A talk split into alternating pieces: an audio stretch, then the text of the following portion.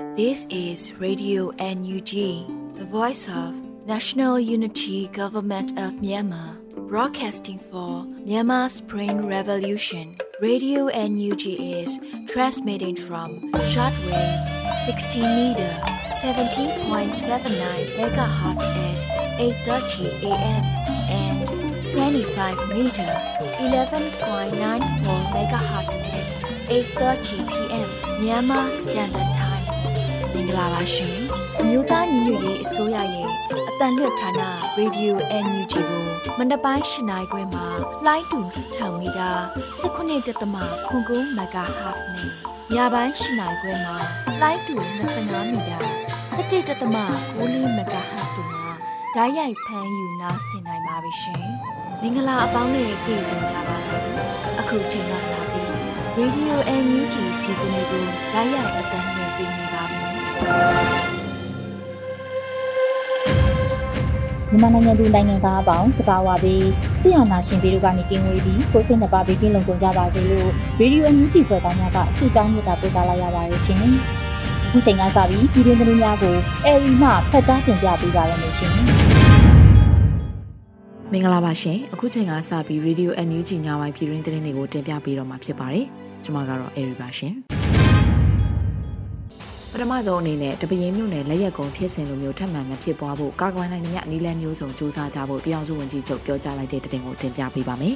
စက်တင်ဘာလ22ရက်နေ့မှာကျင်းပတဲ့ဂျာကာလာဒေသန္တရပြည်သူ့အုပ်ချုပ်ရေးဖော်ဆောင်မှုဘိုးကော်မတီအစည်းအဝေးမှာဝန်ကြီးချုပ်မန်ဝင်းခိုင်တန်းကအခုလိုထည့်သွင်းပြောကြားခဲ့ပါတယ်။မြေပြင်မှာနေစဉ်နဲ့အမျှသတင်းကောင်းသတင်းဆိုးတွေရှိနေကြောင်းတပင်းလက်ရက်ကုံကိစ္စအတွက်စိတ်မကောင်းဖြစ်ရကြောင်းအဆိုအဝါဆုံးဖြစ်ရတဲ့ရဖြစ်ကြောင်း ရင်းဖြစ်စဉ်အတွက်ဆက်လက်လှုပ်ဆောင်ရမယ့်ကိစ္စတွေမိမိတို့ဘက်ကစီစဉ်ကြောင်းနောက်ထပ်ရင်းဖြစ်စဉ်ကဲ့သို့မဖြစ်ဖို့နိုင်ငံတကာကအကူအညီတွေလိုအပ်တယ်လို့မိမိတို့ဘက်ကလည်းကာကွယ်နိုင်သမျှနည်းလမ်းမျိုးစုံစ조사နေကြရမှာဖြစ်ကြောင်းကာကွယ်ရေးဝန်ကြီးဌာနနဲ့ပြည်ထောင်ရေးနဲ့လူဝမှုကြီးကြပ်ရေးဝန်ကြီးဌာနတို့ပေါင်းဆက်ပြီးလုံခြုံရေးအစီအမံတွေဆောင်ရွက်ရမှာဖြစ်ကြောင်းဝန်ကြီးချုပ်ကဆိုပါတယ်။တစ်ဆက်တည်းမှာပဲ NUG ရဲ့တရားရေးဖော်ဆောင်မှုမှာအချုပ်ထောင်ရဲ့အခြေအနေကိုပြည်ထောင်စုဝန်ကြီးချုပ်ကမေးမြန်းခဲ့ပါတယ်။ ဖမ်းဆီးခံထားရတဲ့သူတွေအတွက်တရားရေးကနေအချုပ်ထောင်တွေဘလို့စီမံနေတာကိုသိချင်ကြောင်းတရားရေးကိစ္စတွေပုံမှုလှုပ်ဆောင်ရမယ့်အချိန်ရောက်နေကြောင်းတရားရေးအနေနဲ့ဘယ်လိုအခက်အခဲရှိနေတာကိုသိလို့ကြောင်းကသုံးလုံးဒေတာအပြင်တိုးချက်မျိုးနယ်တွေမှာပါဆက်လက်လှုပ်ဆောင်ရနေရှိပါကြောင်း ချင်းကချင်ပြည်တို့ကဆောင်ရွက်မဲ့ကိစ္စတွေအတွက်အားစိုက်ပူပိုင်းလုပ်ကံရမှာဖြစ်ကြောင်းဝန်ကြီးချုပ်ကဆိုပါတယ်လက်တလုံးမှာမြို့နယ်24မြို့နယ်မှာတရားရုံးတွေစတင်ထူထောင်နိုင်နေပြီဖြစ်ပါတယ်အစည်းအဝေးကိုဂျာကာလာဒေသန္တရပြည်သူ့အုပ်ချုပ်ရေးဖော်ဆောင်မှုဘိုးကော်မတီဥက္ကဋ္ဌပြည်ထောင်စုဝန်ကြီးချုပ်မန်ဝင်းခိုင်တန်းဦးဆောင်ပြီးဒုတိယဥက္ကဋ္ဌတဲ့ပြည်ထရေးနဲ့လူဝင်မှုကြီးကြပ်ရေးဝန်ကြီးဌာနပြည်ထောင်စုဝန်ကြီးဦးလွင်ကိုလက်အပါအဝင်ဘိုးကော်မတီအဖွဲ့ဝင်ပြည်ထောင်စုဝန်ကြီးတွေဒုတိယဝန်ကြီးတွေနဲ့အမြဲတမ်းအတွင်းဝင်တွေဌာနဆိုင်ရာကတာဝန်ရှိသူတွေတက်ရောက်ခဲ့ကြတယ်လို့သိရှိရပါတယ်ရှင်။ ဆက်လက်ပြီးစကိုင်းတိုင်းရေဦးမြို့နယ်အတွင်းကကျေးရွာ3ရွာမှာတပ်မ33အပါအဝင်အနောက်မြောက်တိုင်းစစ်ဌာနချုပ်ကအခြေစိုက်တပ်တွေကျူးလွန်တဲ့ရာဇဝတ်မှုတွေကိုလူခွင့်ရေးဝန်ကြီးဌာနကထုတ်ပြန်တဲ့သတင်းကိုလည်းတင်ပြပေးပါမယ်။စကိုင်းတိုင်းရေဦးမြို့နယ်အတွင်းကမြို့ကြီးရွာစီကုန်းရွာတင်းတိန်ရန်ရွာတွေကိုစစ်ကောင်စီတပ်က2022ခုနှစ်ဇူလိုင်လ28 29နဲ့30ရက်နေ့မှာစစ်ကြောင်းထိုးတိုက်ခိုက်ခဲ့ပြီးရွာသားစုစုပေါင်း29ဦးကိုအကြမ်းဖက်တပ်ဖြတ်ခဲ့ပါတယ်။ စစ်ကောင်စီတပ်တွေရဲ့မီးရှို့ဖမ်းဆီးမှုကြောင့်တင်းတရန်ရွာအတွင်းကအင်ဂျီ314လုံးဆိုင်ငယ်ပေါင်း359ဆိုင် MPT ရုံးခန်းတစ်ခန်းဘုံကြီးကျောင်းတစ်ကျောင်းမီးလောင်မီးလောင်ကျွမ်းခဲ့ရပါတယ်အဆိုပါအကြမ်းဖက်မှုကိုကျူးလွန်သူတွေကတော့တပ်မ33ပါဝင်အနောက်မြောက်တိုင်းစစ်ဌာနချုပ်ကအခြေစိုက်တပ်တွေဖြစ်တယ်လို့လူခွင့်ရေးဝန်ကြီးဌာနကဖော်ပြထားပါတယ်ရှင် တပင်းမြို့နယ်မှာအကြမ်းဖက်စစ်တပ်ကစစ်သုံးရဟတ်ရင်နဲ့တိုက်ခိုက်မှုဖြစ်စဉ်ကိုနိုင်ငံတကာဥပဒေအရအရေးယူနိုင်မှုမြို့သားညီညွတ်ရေးအစိုးရလှုံ့ဆော်နေပြီလို့အသိပေးပြောကြားလိုက်တဲ့သတင်းကိုတင်ပြပေးပါမယ်။တပင်းမြို့နယ်မှာအကြမ်းဖက်စစ်တပ်ကစစ်သုံးရဟတ်ရင်နဲ့တိုက်ခိုက်မှုဖြစ်စဉ်ကိုနိုင်ငံတကာဥပဒေအရအရေးယူနိုင်ဖို့မြို့သားညီညွတ်ရေးအစိုးရကလှုံ့ဆော်နေပြီလို့တမရယုံပြောရေးဆိုခွင့်ရှိသူဦးကျော်စောကပြောပါတယ်။စက်တင်ဘာလ16ရက်နေ့တပင်းမြို့နယ်လက်ရက်ကုံဖြစ်စဉ်ကအကြမ်းဖက်စစ်တပ်ကျူးလွန်ခဲ့တဲ့တပ်တွေအထောက်အထားတွေကို NUG အစိုးရအနေနဲ့ခိုင်ခိုင်မာမာရထားပြီးပြီလို့ Radio NUG ကိုဦးကျော်စောကအခုလိုပြောပြပါတယ်။ လက်ရက်ကုံဖြစ်စဉ်နဲ့ပတ်သက်ပြီးတော့နိုင်ငံတကာရှုံချတဲ့ထဲမှာဥရောပ Union ပေါ့နော် EU European Union ရဲ့အာဆီယံဆိုင်ရာတာမတ်နောက်မြန်မာနိုင်ငံဆိုင်ရာအထူးကိုယ်စားလှယ်ကပြီးခဲ့မနေ့ကသူ့အနေနဲ့အပြင်းထန်ရှုံချတာပြောရင်းနဲ့လွတ်လပ်တဲ့စုံစမ်းစစ်ဆေးဖို့အတွက်လည်းသူတောင်းဆိုတာတွေ့ရတယ်ပေါ့နော်ဆိုတော့နိုင်ငံတကာကလည်းဒီဖြစ်ရပ်ကိုပြစ်မှုကျူးလွန်တဲ့လူတွေအကုန်လုံးအရေးယူဖို့နိုင်ငံတကာကလည်းတောင်းဆိုနေတာတွေ့ရပါတယ် အကြမ်းဖက်စစ်တပ်ဖမ်းခေါ်သွားတဲ့ကလေးငယ်နဲ့ဆရာဆရာမတွေအခြေအနေအမှန်သိရှိဖို့လိုအပ်နေတယ်လို့ပြည်သူ့ကာကွယ်ရေးတပ်ဖွဲ့တပင်းကစက်တင်ဘာလ23ရက်နေ့မှာထုတ်ပြန်ကြေညာခဲ့ပါတယ်။ဖမ်းဆီးခေါ်ဆောင်သွားတဲ့ဆရာမ3ဦးနဲ့ကလေး17ဦးစုစုပေါင်း20ဦးတို့ရဲ့အခြေအနေအမှန်ကိုသိရှိဖို့ကမ္ဘာ့ကြက်ချိန်အဖွဲ့ကမ္ဘာကလေးတငယ်ဆောင်းရှောက်ရေးအဖွဲ့တို့ကဒဏ်ရာရကလေးငယ်တွေမိသားစုနဲ့တွေ့ဆုံဖို့ရနိုင်မှုကူညီပေးဖို့မြစ်တာရက်ခံတောင်းဆိုအပ်ပါတယ်လို့လည်းဖော်ပြထားပါတယ်ရှင်။ ကမ်ဘလူမြို့နယ်မြောက်ပိုင်းကိုတောင်ဘိုးမှာထိုင်ချထားတဲ့အင်အား80ပါစစ်ကြောင်းကောလင်းမြို့နယ်ဘက်ကိုထွက်ခွာရမှာလမ်းမှာမိုင်းဆွဲခံရတဲ့တဲ့ရင်ကိုတင်ပြပေးပါမယ်။စကိုင်းတိုင်းကမ်ဘလူမြို့နယ်မြောက်ပိုင်းကိုတောင်ဘိုးမှာထိုင်ချထားတဲ့အင်အား80ပါစစ်ကောင်စီစစ်ကြောင်းဟာယမန်နေ့ညကကောလင်းမြို့နယ်ဘက်ကိုထွက်ခွာရမှာလမ်းမှာမိုင်းဆွဲခံရတယ်လို့ကိုတောင်ဘိုးတော်လိုင်းရေးအင်အားစုကအတည်ပြုပါတယ်။ ထိခိုက်မှုတော့မသိရသေးဘူး။ယနေ့မနက်ကောလင်းမြို့နယ်ကျိုးခုံရွာနားမှာရှိနေပြီးတဝက်မှာကောလင်းမြို့နာကတ်သွားတယ်လို့သတင်းရရှိပါတယ်လို့ဆိုပါတယ်။စက်တင်ဘာလ23ရက်မနက်9တောင်ဘုကနေကိုင်းမအရှိဘက်ထွက်ခွာသွားတဲ့စစ်ကောင်စီတပ်စစ်ကြောင်းအဖွဲ့ဟာကောလင်းမြို့နယ်ထဲတီရှိုရွာအနောက်ဘက်ကြောင်မဲတောင်ကိုရောက်နေပြီးအင်အား89ယောက်နဲ့အတူအရက်သားပြည်သူတစားကန်၄ယောက်ပါဝင်တယ်လို့သတင်းရရှိပါတယ်ရှင်။ဆက်လက်ပြီးညောင်လေးပင်ခိုင်ကြောက်တကားမြို့နယ်မှာစစ်ကောင်စီတပ်တွေနဲ့ကာကွယ်ရေးတပ်တို့ထိတွေ့တိုက်ပွဲဖြစ်ပွားတဲ့တဲ့တင်ကိုလည်းတင်ပြပေးပါမယ်။ ညောင်လေးပင်ခရိုင်ကြောက်တကားမြို့နယ်မှာစစ်ကောင်စီတပ်တွေနဲ့ကာကွယ်ရေးတပ်တို့ထိတွေ့တိုက်ပွဲမှာစစ်ကောင်စီဘက်က3ယောက်ပွဲချင်းပြီးတေဆုံးပြီးလက်နက်လေးလက်နဲ့ကြီးစံနေသိမ်းဆီးရမိခဲ့တယ်လို့စက်တင်ဘာလ23ရက်နေ့မှာစစ်ရေးသတင်းကို Freedom Joker Assault Team ကထုတ်ပြန်ပါတယ်။ပဲခူးတိုင်းညောင်လေးပင်ခရိုင်ကြောက်တကားမြို့နယ်မှာစက်တင်ဘာလ20ရက်ည9:58မိနစ်ပတ်ဝန်းကျင်မှာပထမဆုံးဖျော်ဖြေတဲ့ပွဲဦးထွန်းမှာလက်တံပြောင်းလုံးတဲ့ဂျိုကာတို့အတွက်စစ်ကောင်စီတပ်တွေကတနက်လေးလက်နဲ့အတူ MAG 109တောင်ကာပိုင်ကြီး114တောင်ကိုစက်ကတ်ချင်းမြင်ခဲ့တဲ့အပြင်အားပေးမှုလွန်ခဲ့တာကြောင့် 3ယောက်သေဆုံးသွားခဲ့ပါတယ်လို့ဆိုပါတယ်။စစ်ကောင်စီတပ်တွေ3ယောက်သေဆုံးခဲ့ပေမဲ့တအုပ်ကတော့ပြင်းထန်ဒဏ်ရာတွေနဲ့ထွက်ပြေးလွတ်မြောက်သွားတယ်လို့လည်းသိရှိရပါတယ်ရှင်။ကြားပြူတက်ခွဲ3 PDF ရဲဘော်တွေရိုက်ကူးထားတဲ့ဆယ်မွန်ငါတို့အိမ်ပြန်ချိန်ဇလန်စက်တင်ဘာလကုန်မှာဖြန့်ချီပြသသွားမယ့်တဲ့တင်ကိုလည်းတင်ပြပေးပါမယ်။ ကြားပြတက်ခွဲ3 PDF ရဲဘော်တွေကတက်ခွဲရမုံကိုရရှိရေးအတွက်ဆယ်မွန်ငါတို့အိမ်ပြန်ချိန်ဇလန်ရုပ်တံတို့ကိုစက်တင်ဘာလကုန်မှာဖြန့်ချီပြသသွားမယ်လို့တင်ရရှိပါတယ်။လက်တလုံးမှာတော့စက်တင်ဘာ23ရက်နေ့ကစတင်ပြီးတက်ခွဲရမုံကိုလက်မှတ်တွေကိုစတင်ရောင်းချပေးနေပြီလို့ကြားပြတက်ခွဲ3ကဆိုပါတယ်။ကြားပြတက်ခွဲ3 PDF ရဲဘော်များမှတက်ခွဲရမုံကိုရရှိရေးအတွက်ဆယ်မွန်ငါတို့အိမ်ပြန်ချိန်ဇလန်တို့ကို6လပိုင်းအစုံမှာဖြန့်ချီမှာဖြစ်ပါတယ်ခင်ဗျာ။တက်ခွဲရမုံကိုလက်မှတ်ကိုစက်တင်ဘာလ23ရက်နေ့ကနေစတင်ရောင်းချပေးသွားမှာဖြစ်ပါတယ်လို့ဆိုထားပါတယ်။ တက်ခွဲရမုံငွေလက်မှတ်ဝိုင်းဝန်းကိုရောင်ပေးလို့သူတွေအနေနဲ့ကြားပြီးတက်ခွဲသုံး Facebook စာမျက်နှာ link ကနေတက်ဆက်ဆက်သွယ်မြင်မြင်နိုင်ပါတယ်။အဆိုပါဆယ်မွန်ငါတို့အင်ပြန်ချိန်ဇလန်တို့ကရရှိလာမဲ့ဝင်ငွေတွေကိုကရင်ပြည်နယ်တောင်ပိုင်းတိုင်းစစ်ဒေသအတွင်းရှိကြားပြီးတက်ခွဲသုံးရဲဘော်ရဲဘက်ညီကိုမောင်နှမတွေအတွက်လိုအပ်တဲ့လက်နက်ခဲယမ်းတွေတက်ဆင်မှာဖြစ်ပါတယ်လို့သိရှိရပါတယ်။အခုတင်ပြပေးခဲ့တဲ့သတင်းတွေကိုတော့ Radio NUG သတင်းတောင်မင်းမင်းကပေးပို့ထားတာဖြစ်ပါတယ်ရှင်။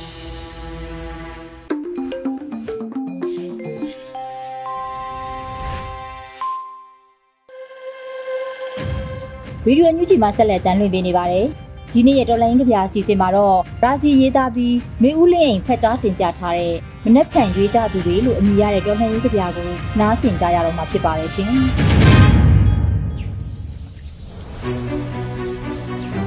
မနှက်ပြန်ရွေးကြသူတွေမနှက်ပြန်ကြောင်ပြောကြတဲ့အခါသူတို့မျိုးလုံးတွေတခဏမိမ့်မိန်သွားကြတယ်။ကက်ကြီးတုံးပါတယ်နှစ်ပါးကပြစ်စခါ ကျန်တစ်ပါးကလည်းဟန်ရီတပြပြဆိုတော့မတိအောင်နေရတာကသူတို့အတွက်လုံးတယ်တက်ကရစ်ဆက်ဆက်မျိုးဆက်ဆက်ဆက်အသက်တွေရှင်တွန်းဖွင့်ခဲ့တဲ့တကားတစ်ချက် February တမနက်မှာမိုးတက်မှုမှန်တယ်လူသားစင်စစ်တွေမြင်ခဲ့ဒီလန်ဒီဇလန်မှာပဲလူမဟုတ်သူတွေရဲ့ဇညောမှာလူသားတွေလမ်းပြောင်းနေခဲ့တယ်ကဘာသားတွေတော့ဆွမ်းအောင်အရာရာဟာအမှတ်တရားဒီ မြေမှာဖြစ်တည်လာတဲ့သူရမှာအသက်မဲ့နေတဲ့ကားငယ်ကိုကိုရင်မိခင်မှာနာနာကြီးကြီးရှိတယ်အနေချက်အနေချက်ခေတ်ကလည်းပြက်ပြီးဆိုတွေးရင်းတို့ဒီတိုင်းနဲ့ဆက်မျက်ရည်နဲ့တောက်ခောက်ပြီးနေ့စဉ်ပုံလာတဲ့ပါမချိတင်လေးကိုမြည်တယ်နေရနေပေါ်ပဲ့ထစ်တယ်နှလုံးသားရှိပြီးကြား ဖက်ကကက်တစ်ဖက်ကလည်းတင်ဆိုရင်ရောဘာယူမလဲသူတို့ကတော့အနာကိုပြီးတယ်လူကိုလူလိုဆက်ဆံနေတာပဲလူကိုလူလိုတန်ဖိုးထားတဲ့အနာတတိကူနဲ့ပြန်ချက်လက်ပြန်အောင်လုပ်ခဲ့တယ်ချက်ညဝန်းတွေပြန်နေတယ်စိုက်ခဲ့တဲ့ညနေလေးတဲ့အခါဘာမခက်ချင်လူသားစင်စစ်တွေရဲ့တိုက်ပွဲကိုအမှောင်ဖုံးနေတဲ့ မြေမှာသူတို့သာအရှင်ဒီနေ့ဒီနေ့ဒီနေ့ကိုမမေဆိုးစိတ်လက်ဖြတ်မှာမရနာနဲ့မရေပဲညဖို့စီဒီလိုကျူးကျော်တဲ့အနာဂတ်ကိုချင်ရှေးရဲဒီကလေးကိုရေးဆက်သူကတော့ဘရာဇီးဖြစ်ပါတယ်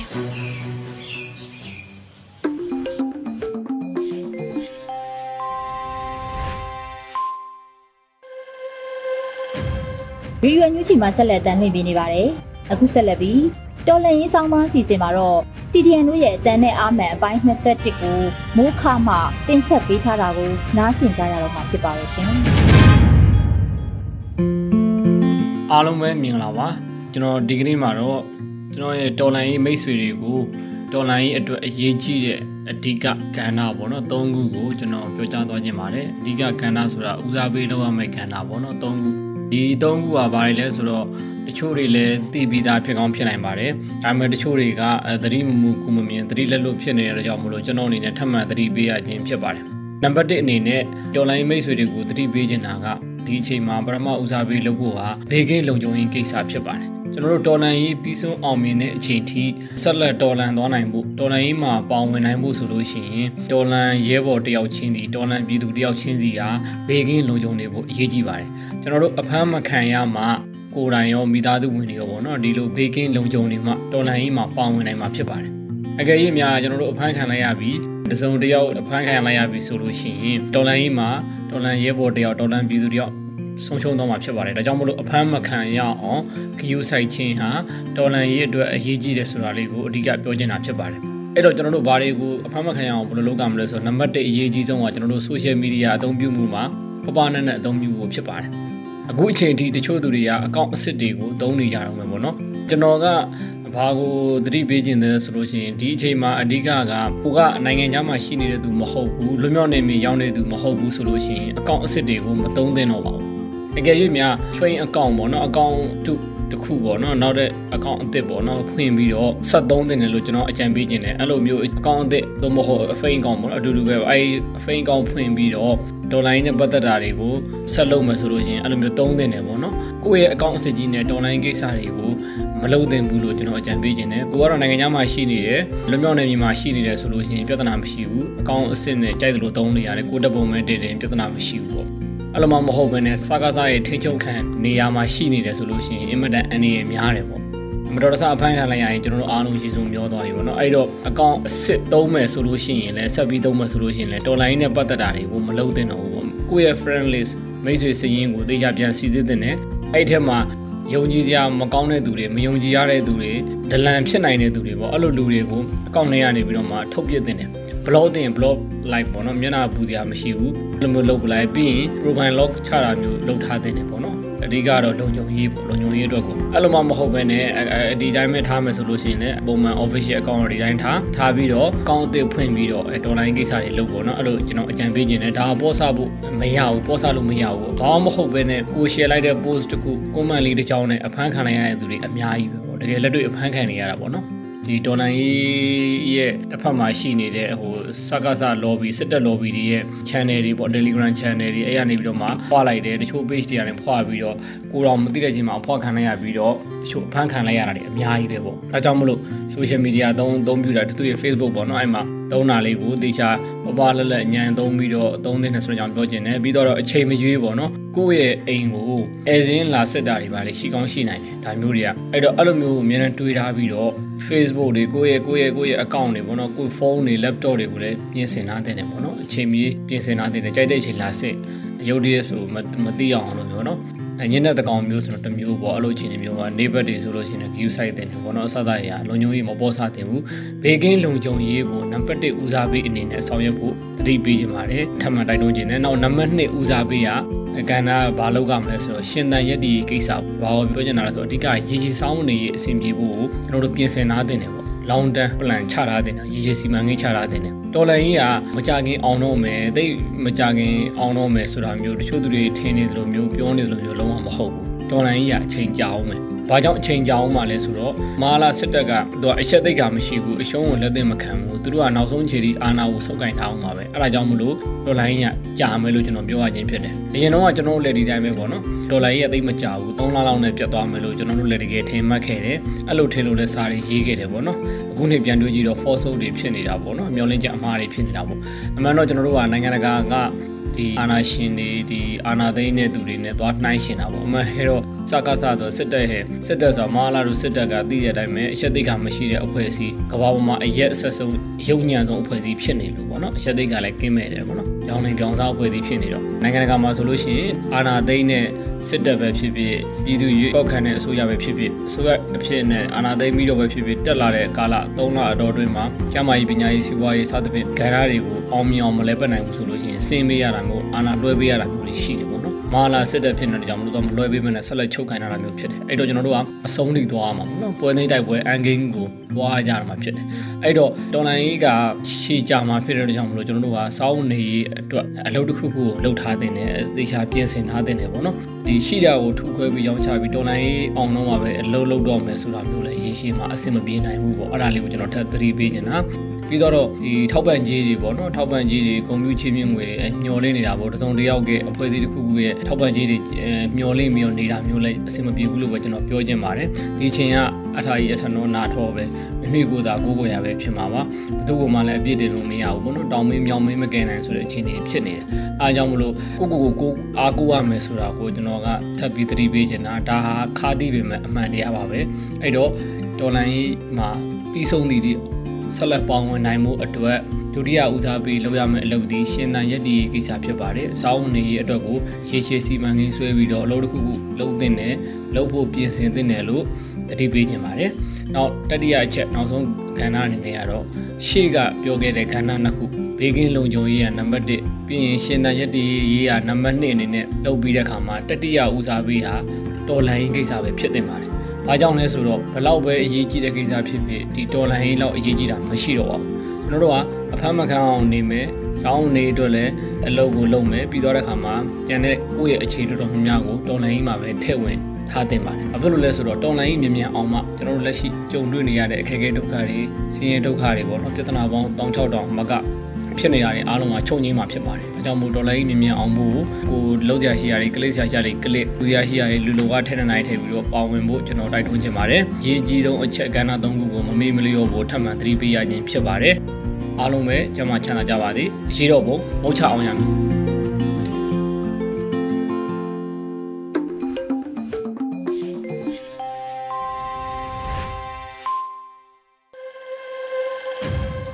။ရေဒီယိုမြူချီမှာဆက်လက်တမ်းလွှင့်ပေးနေပါတယ်။ အခုဆက်လက်ပြီးနားဆင်ကြရမှာကတော့တော်လှန်ရေးနုပညာကဏ္ဍဖြစ်ပါတယ်။ဒီကြောင်းကုံစင်ညတကွင်အပိုင်း၁၈ကိုတန့်ဝေကျော်ရဲ့တင်ဆက်မှုနဲ့နားဆင်ကြရတော့မှာဖြစ်ပါတယ်ရှင်။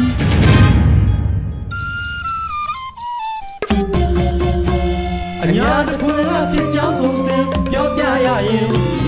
အာနာရှင်တော်လည်းရင်အမြင့်ဖြုတ်ဖို့မြင်တော်လူတော်မှာပြည်သူများညီညွတ်လို့ပင် ပတ်စစ်တော်လည်းရထပါလိမ့်မယ်တင်ဖက်ဒရယ်ပြည်အောင်စုရဲ့ရှိတဲ့ဖက်ဒရယ်ယူနစ်စနစ်တစ်ခုပေါ်ပေါက်လာမှဒီကံလွယ်ပင်ဖြစ်ကြောင်းပုံစံအညာတခွင်ဘယ်တော့အခါမှကျုံတပေါက်ဖက်စစ်အောက်ကိုမရောက်လိုပါဘူး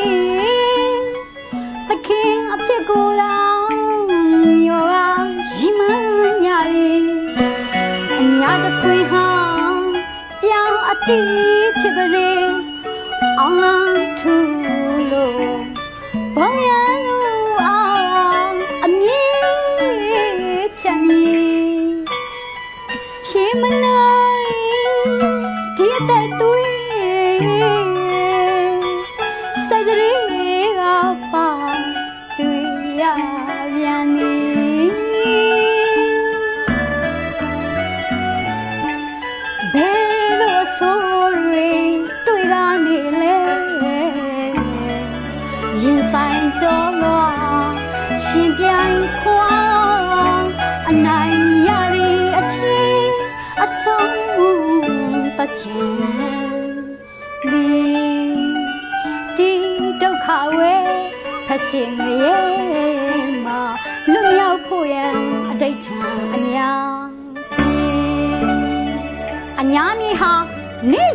နဲ့အမျှအပိုက်အမြုံတွေစီးစိမ်ချမ်းသာတွေအနာဂတ်လူငယ်လူရွယ်တွေရဲ့အသက်သွေးတွေစရေပြီး Federal Democracy လွတ်မြောက်ရေးခရီးချမ်းကိုဖျက်ဆီးလာခဲ့တာရက်ပေါင်း900ပြည့်ခဲ့ပါပြီတော့မိုဟင်ငါပွဲတွေမိုဟင်ငါပွဲတွေဆိုပြီးလိုင်းပေါ်မှာဝင့်ကြွားနေကြပြီမဲ့ဒီမိုဟင်ငါပွဲတွေချက်ဖို့အတွက်ပေးလိုက်ရတဲ့အသက်တွေပြာပုံဖြစ်ခဲ့ရတဲ့ရက်ရွာတွေ အရှင်လက်လက်မီးညှိုက်ခံလိုက်ရတဲ့တက်ကြီးရွယ်အိုတွေအိုးပြောပြရင်ဒေါပွားစရာဝမ်းနေစရာကြေကွဲစရာတွေအများကြီးပါတော့တနေ့ကပဲတပရင်လက်ရက်ကုန်းရွာမှာစာသင်နေတဲ့လူမမဲကလေးငယ်တွေကိုရဟရင်တွေနဲ့တနာရီကြော်ကြာပြစ်ခတ်ခဲ့လို့အပြစ်မဲ့မူလာရန်အရွယ်ចောင်းသားကလေးငယ်လေးတွေ73ယောက်ထိအသက်ပေးခဲ့ရတဲ့အပြင်ဆရာမ2ဦးနဲ့လူမမဲကလေးငယ် 20ကျော်ကိုလည်းမတရားဖမ်းဆီးခေါ်ဆောင်သွားခဲ့သေးတဲ့တော့ဒါကိုရက်ဆက်လာကြီးရဲ့လားရောက်မှလာကြီးရဲ့လားလို့အံ့ဩနေကြရတော့မရှိပါဘူးတော့ဖက်စစ်တွေဟာဖက်စစ်ကျင့်ဖက်စစ်ကြံမဲ့ကြံရတာမဟုတ်လားအဲ့ဒါကိုရက်ဆက်လိုက်တာလူမဆန်လိုက်တာဆိုပြီးအခုမှတရေနိုးထအံ့ဩနေကြတဲ့ဟိုအဖွဲ့စည်းဒီအဖွဲ့စည်းတွေကိုတော့နည်းနည်းအံ့ဩမိပါတော့ ဒီကိစ္စမတိုင်မီကလည်းကန့်ဘလူကဏီနဲ့မြိုင်ဒေသတွေမှာစာသင်ကျောင်းကိုလေရင်နဲ့ပစ်တာ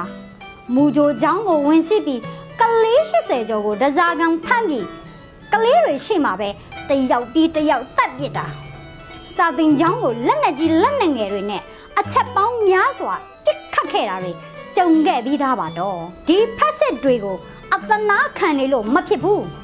ရရင်ရသလိုပြန်ချမှဖြစ်မယ်ဆိုတာ အညာတခွင်ရဲ့ရင်ထဲအသေးထဲမှာတော့ဆွဲနေပြီးသားပါတော့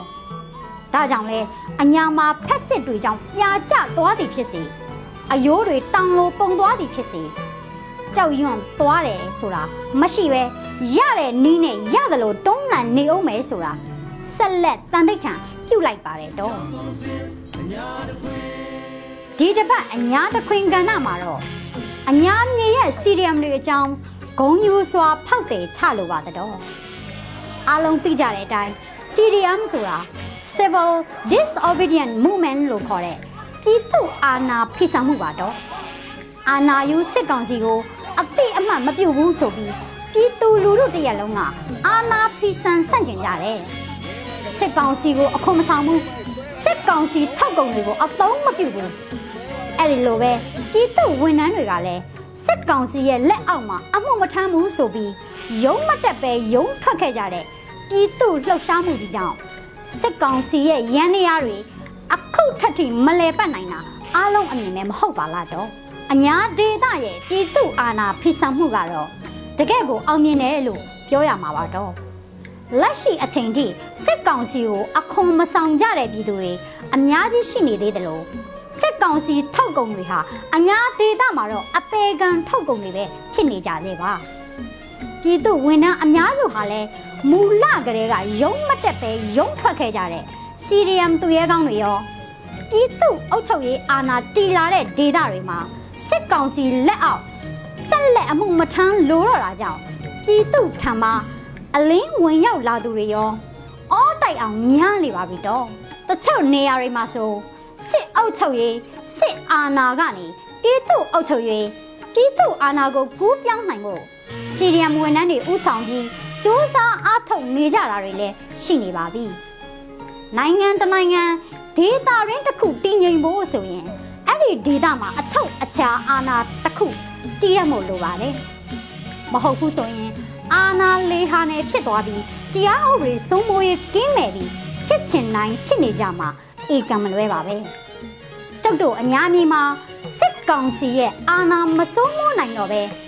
အဲ့ဒီလိုအာဏာလေးဟာနဲ့ဖြစ်နေတဲ့ဒေတာတွေအများကြီးရှိနေပါပြီဒီလိုဒေတာတွေမှာပြည်သူစေတနာဝန်ထမ်းသူရဲကောင်းတွေနဲ့စီရီယမ်ဝန်ထမ်းတွေပူးပေါင်းပြီးပြည်သူအုပ်ချုပ်ရေးပြည်သူအာဏာကိုထူထောင်နေကြတာခရီးအတော်ရောက်နေပါပြီတော့ဒီနေရာမှာအကြမ်းဖက်စစ်တပ်ရဲ့အုပ်ချုပ်ရေးနဲ့ပြည်သူအုပ်ချုပ်ရေးနှစ်ခု အားပြိုင်မှုတွေရှိလာပါတယ်ဒါဟာဘလို့မှရှောင်လွဲလို့မရတဲ့မြေပြင်အခြေအနေပဲဖြစ်ပါတယ်တော့ပြည်သူအုပ်ချုပ်ရေးအာဏာတည်တဲ့နေရာမှာအကြမ်းဖက်စစ်တပ်ရဲ့အုပ်ချုပ်ရေးဟာဘယ်နည်းနဲ့မှတည်တံ့လို့မရဘူးဆိုတာတော်လန်ရေးရဲ့အနှစ်သာရလည်းဖြစ်ပါတယ်တော့ဒါကြောင့်ပဲပြည်သူအာဏာအုပ်ချုပ်ရေးတည်ထောင်တဲ့နေရာတွေမှာတော့လက်ရှိချိန်ထိစစ်ရာဇဝတ်မှုအမျိုးမျိုးကျူးလွန်နေတဲ့ စစ်ကောင်စီရဲ့လက်အောက်ခံဝန်ထမ်းတွေဟာအလုံးလျောက်နေရာဖယ်ပေးရတော့မှာဖြစ်ပါတယ်။အဲ့ဒီနေရာတွေမှာပြည်သူစေတနာဝန်ထမ်းတွေစီရီယာဝန်ထမ်းတွေနဲ့အစားထိုးပြီးခိုင်မာတဲ့အုပ်ချုပ်ရေးကိုလက်တွေ့ကြကြတီဆောက်ကြရမှာလည်းဖြစ်ပါတယ်။ဘယ်သူကဘယ်သူကိုအရေးယူတာမျိုးမှမဟုတ်ဘဲပြည်သူအုပ်ချုပ်ရေးတီဆောက်မှုဖြစ်စဉ်သာလျှင်ဖြစ်တဲ့အတွက်ဝေးပန်းလေးကံသူများအနေနဲ့ လက်တွေ့ဖြစ်နေတဲ့လက်တွေ့အခြေအနေမြေပြင်အခြေအနေတွေကိုပဲယထာဘူရကြကြလက်ခံရမှာဖြစ်ပါတယ်တော့ကျောက်တို့အညာတခွင်းရဲ့ပြည်သူအာဏာဖီဆန်ရေးနဲ့ပြည်သူအုပ်ချုပ်ရေးတီဆောက်မှုဟာမအေးအေးဝင်းစီစဉ်တာမဟုတ်လို့ဝင်းဝင်းဆိုလို့ရှင်တော့ရနိုင်မှာမဟုတ်တယ်လို့မွေးမသေးဒုံပကြိုးစီမံလို့လည်းမရပါဘူးတော့ဝင်းဝင်းကိုလိုချင်ရင်တော့ဝင်းဝင်းဖျောင်းနိုင်တာဝယ်ထုံးပါလို့ အကြံပြုပြရတယ်တော့အညာတခွင်းရဲ့တိုက်ပွဲတွေကတော့ဒီတစ်ပတ်မှာလဲပြီးသူရဲဘော်တွေကတော့ဖက်စစ်စစ်တပ်ကိုတာဝန်ကျေကျေတောက်တင်တိုက်ထုတ်ခုခံနေစေဖြစ်ပါတယ်လက်ရှိအနေအထားမှာကဆအဖွဲ့ကြောက်ကြားပုံစံယူဟာပြောင်းလိုက်တဲ့အတွက်ပြည်သူတပ်ဖွဲ့တွေဘက်ကလည်းအထိနာတာတွေရှိခဲ့ပါတယ်တော့ဘုဒလင်ပဲပြတော့ဒဇယ်အုပ်ဖို့ကျေးရွာတွေမှာလဲ စစ်ကောင်စီဖက်စစ်တပ်ရဲ့အလစ်အငိုက်ဝင်ရောက်တိုက်ခိုက်မှုတွေကြောင့်ပြည်သူကာကွယ်ရေးရဲဘော်တွေကြဆုံးခဲ့ရတာတွေရှိပါတယ်တော့တခြားအယက်သားထိခိုက်တာတွေပြည်သူနေအိမ်တွေကိုဖက်စစ်တပ်ကမီးရှို့ဖျက်ဆီးတာတွေလည်းရှိနေသေးပါတော့ပေဖြစ်တုံးခံတူဖြစ်မှနှမ်းဆိုသလိုပဲအညာဒေတာကာကွယ်ရေးတပ်ပေါင်းစုတွေဟာလည်းစစ်ကောင်စီတပ်စခန်းတွေတပ်ဆွဲနေရတွေကို အလစ်အငိုက်ဝင်ရောက်တိုက်ခိုက်ခဲ့တာတွေလည်းရှိခဲ့ပါတယ်တော့ဒီတစ်ပတ်မှာထင်ရှားတာကတော့ပလဲမြို့ပေါ်ကရဲစခန်းနဲ့ထိတ်အုပ်ယုံကိုပြည်သူ့ကာကွယ်ရေးမဟာမိတ်တပ်ပေါင်းစုတွေကဝင်တိုက်ခဲ့လို့စစ်ကောင်စီ6ဦးထက်မနည်းသေဆုံးခဲ့ပြီးထိခိုက်ဒဏ်ရာရမှုတွေများပြခဲ့တဲ့သတင်းမှာတော့ဒါရင်ကရိုးလားအထက်ချင်းတွင်းမှာဝင်းကြီးစုံမြတ်ကျော်ရင်နှန်းကိုတောင်အပီဆော်နိုင်ခဲ့တဲ့လက်တံပြောင်ခဲ့ပြီး ကာလအတော်ကြာငိမ့်သက်နေခဲ့တဲ့ကလေးခရိုင်ကလေးဝပြည်သူ့ကာကွယ်ရေးတပ်ကကလေးဝမစင်ရဲစခန်းကိုအပီးတိုင်စီးနင်းသိမ့်ပိုင်နိုင်ခဲ့တဲ့ဖြစ်စဉ်ဟာလဲဒီတစ်ပတ်အညာ PDF တွေရဲ့အလစ်အငိုက်လက်တုံပြမှုတစ်ခုဖြစ်အားရစရာတွေ့ရပါတော့လက်နဲ့ခရမ်းတွေပါရရှိခဲ့တာကတော့အမျက်ပဲပေါ့တော့အညာတခွင်ဟာ မျက်ရည်တွေကိုအင်အားအဖြစ်ပြောင်းဒဏ်ရာတွေအနာတွေကိုမခံကျင်စိတ်နဲ့ဖုံးပြီးလို့ရရလက်နဲ့နဲ့ရရင်ရသလိုခုခံတော်လန်နေရခြင်းဟာအချင်းကြီးမဟုတ်တော့ပါဘူးတော့အခုဆိုရင်အညာပြည်သူအာဏာဖိဆန်မှုအားနဲ့စက်ကောင်စီအာဏာကိုပယ်ဖြတ်ပြီးအညာပြည်သူလူထုအုပ်ချုပ်ရေးနဲ့အညာဒေသဖက်ဒရယ်အုပ်ချုပ်ရေးတွေကိုသက်ဆိုင်ရာတာဝန်ရှိသူတွေစီရီယမ်ဝန်ထမ်းတွေ စေတနာဝန်ထမ်းတွေမဟာမိတ်တပ်ပေါင်းစုတွေရဲ့အားနဲ့ဒဇဒဇတိဆောက်လာနိုင်ပါပြီတော့ဒီလိုတိဆောက်လာနိုင်ခြင်းဟာအညာဖက်ဒရယ်ယူနစ်ရဲ့စတင်မှုခြေလမ်းတစ်ရက်အဖြစ်မျှော်လင့်မိပါတယ်တော့ပြည်သူလူထုအပေါင်းကလည်းဝမ်းနဲ့ကြေကွဲမှုတွေကိုတတ်တိအဖြစ်အသွင်ပြောင်းပြီးအညာဖက်ဒရယ်အိမ်မက်ကိုကူညီပေးကြပါအောင်လို့တိုက်တွန်းလိုက်ရပါတယ်တော့အညာဖက်ဒရယ်အောင်ရပါချစ် ကြောင့်ကုန်စင်တဲ့